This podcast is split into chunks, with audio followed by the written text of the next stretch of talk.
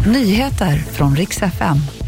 Det ska handla om att det föds färre barn i Sverige, men befolkningen den fortsätter öka något ändå. Och så är våren här, i alla fall meteorologisk vår. Vi ska prata om våren som är på ingång. Det är fortfarande kallt på många håll och det kommer att bli kallare också i flera vändor runt om i landet. Men nu har det varit över noll grader i en hel vecka i sträck och då klassas det som meteorologisk vår. Gäller på flera platser, bland annat i Göteborg, Malmö, Kalmar och även ute på Öland och Gotland. Det föds färre barn i Sverige. Inte sedan 2005 har det fötts så få barn som det gjorde förra året. Det här visar siffror från Statistiska centralbyrån.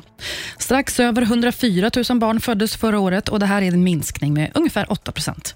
Sveriges befolkning den fortsatte i alla fall att öka lite under samma år med 0,7 procent. Och med det så har vi faktiskt i alla fall kommit över 10,5 miljon bokförda i Sverige. Och så kan vi berätta att tennislegenden Björn Borg, han skulle hyllas på en indisk ceremoni, men toppolitiker som skulle hålla i den här ceremonin var över två timmar sen. BBC konstaterar att det här är ju inget ovanligt, för indiska politiker är gärna rätt sena.